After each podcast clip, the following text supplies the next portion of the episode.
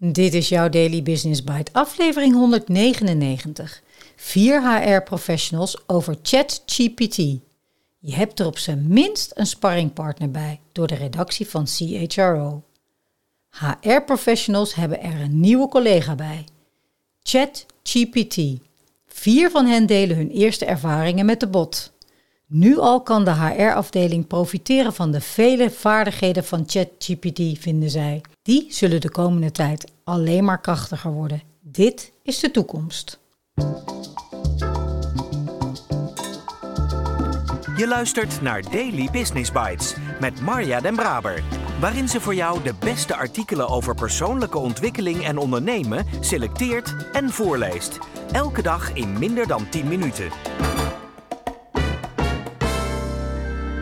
Sinds het Amerikaanse bedrijf OpenAI eind november ChatGPT lanceerde, heeft deze chatbot in een paar weken miljoenen gebruikers weten te vinden. De servers waar de dienst op draait kunnen alle opdrachten maar nauwelijks aan. Vaak haperen ze of zijn ze overbelast. De media raken er niet over uitgeschreven. Dit wordt een Google-killer, heet het. Of dit luidt een nieuwe industriële revolutie in. Of op zijn minst dit gaat het werk zoals wij kennen veranderen. Ook veel vakbladen voor HR-professionals zijn lyrisch. HR-expert Josh Burson schreef voor HR Executive een artikel over The Enormous Possibilities for ChatGPT en elders spreekt HR Executive van ChatGPT als bigger than anything HR has ever seen. Overdreven allemaal? Wellicht. Het beste kunnen we ChatGPT waarschijnlijk beschouwen als een nieuwe collega die de HR-professional diverse klusjes uit handen kan nemen, zoals Fortune-journalist Paolo Confini zegt. Schrijfmaat, brainstorm buddy en meer. Schrijfklusjes om te beginnen. ChatGPT lijkt met name geschikt als ondersteuning bij het schrijven of herschrijven van teksten, wat kan helpen om productiever te worden. Bijvoorbeeld als hulp bij het schrijven van standaard e-mails en beleidsdocumenten. In die zin kan het ondersteunend zijn in het werk van kenniswerkers, zegt Maarten Renkema, assistant professor aan de Universiteit Twente op het gebied van HRM en innovatie. Marelle van Beerschoten van adviesbureau Digital Shapers ziet daarnaast veel mogelijkheden in ChatGPT als brainstorm buddy. Het programma kan je op ideeën brengen voor onderwerpen voor artikelen en presentaties, kan titels verzinnen, mogelijke invalshoeken oplepelen, noem maar op. Zeker als je het op de juiste manier gebruikt. Niet door een enkele zoekopdracht in te tikken zoals je bij Google doet, maar door te reageren op wat het programma antwoordt op een eerste vraag en vervolgvragen te stellen. Op die manier is het mogelijk om ChatGPT te laten meedenken en krijg je veel betere resultaten. Bijvoorbeeld, als je een profiel wilt opstellen voor een nieuwe personeelsadvertentie, wilt weten of iemand met bepaalde vaardigheden geschikt is voor een functie, of om zicht te krijgen op welke cursussen iemand kan volgen die toe is aan een volgende stap in zijn carrière. Zo heeft Thomas Mulder, CHRO van Vodafone Ziggo en CHRO of the Year, bij wijze van proef al gekeken hoe je als recruiter het beste een JavaScript-programmeur zou kunnen interviewen. Ook hij is onder de indruk van hoe goed het programma teksten kan screenen. Wordt in een personeelsadvertentie wel rekening gehouden met de diversiteit van de doelgroep en vervolgens kan herschrijven. En van hoe ChatGPT strategisch advies geeft over hoe een converged telco in een volwassen markt zich het beste kan positioneren. Ook Anne Doezer, Innovation Lead HR van de Rabobank, ziet veel in vragen van strategische aard. Zo heeft ze met ChatGPT geëxperimenteerd door vragen te stellen over hoe de arbeidsmarkt er in 2040 uit zou kunnen zien en welke impact vergrijzing dan heeft voor werknemers en werkgevers. Ook zij wijst erop dat hoe beter en gerichter de vraag is, hoe waardevoller het antwoord van ChatGPT. Als het een te algemene vraag is, krijg je ook een algemeen antwoord waar je weinig mee kunt. De informatie die ChatGPT genereert is vaag en je krijgt al snel een te beperkte blik op het onderwerp. Desondanks is ook zij onder de indruk. Het werkt fantastisch om je te laten inspireren. Het is makkelijker om op een tekst te schieten dan ergens mee te starten. Menselijke inbreng blijft. De mogelijkheden van ChatGPT zijn nu al zo uitgebreid dat het de HR-afdeling veel werk uit handen kan nemen. Zij het dat de mens niet helemaal kan worden vervangen. ChatGPT heeft een handmatig ingevoerde vragen nodig en eerder geschreven stukken tekst om te herschrijven of samen te vatten.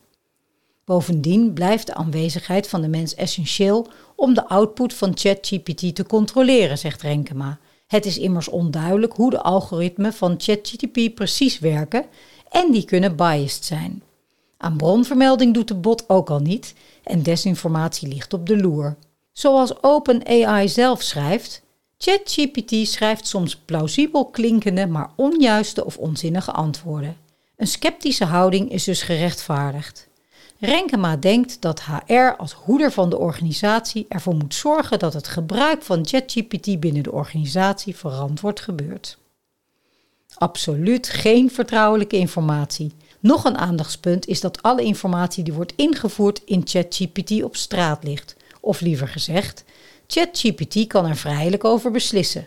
Vandaar ook dat medewerkers er bij ons wel al mee mogen werken, maar absoluut geen vertrouwelijke informatie mogen invoeren, zegt Mulder.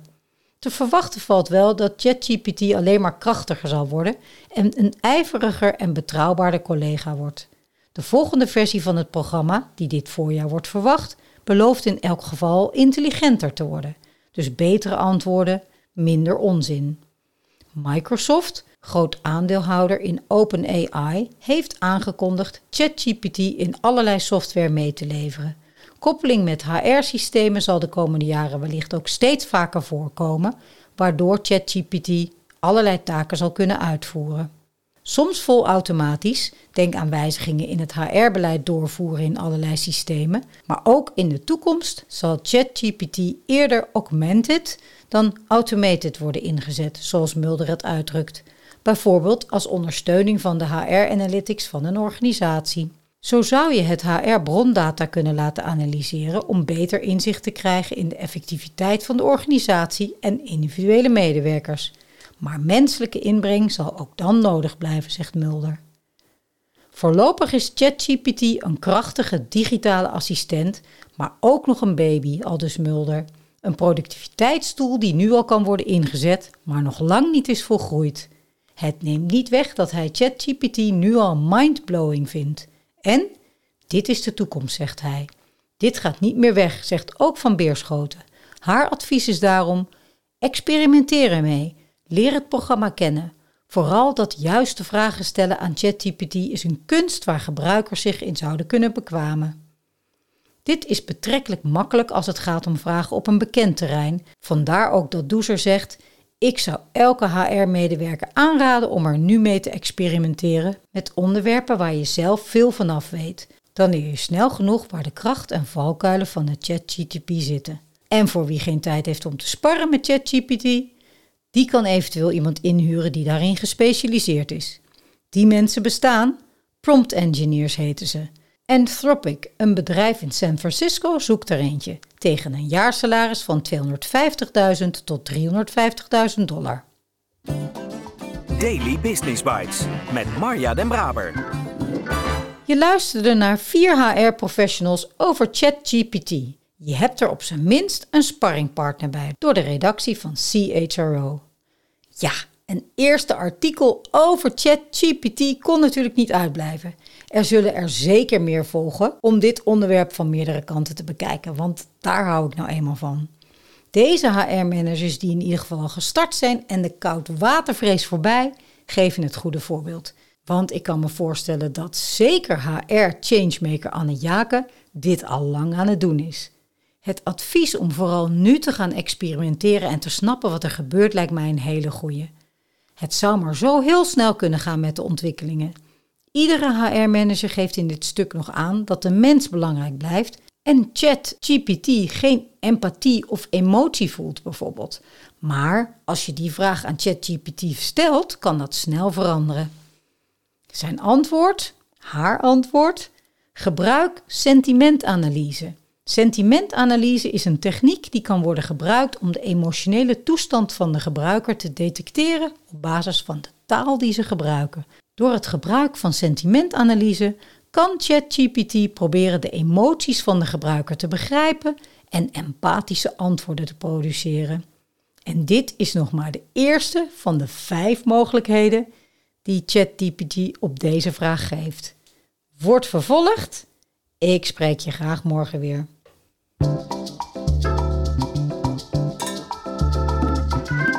Dit was Daily Business Bites. Wil je vaker voorgelezen worden? Abonneer je dan op de podcast in je favoriete podcast-app. Meer weten? Klik op de links in de show notes.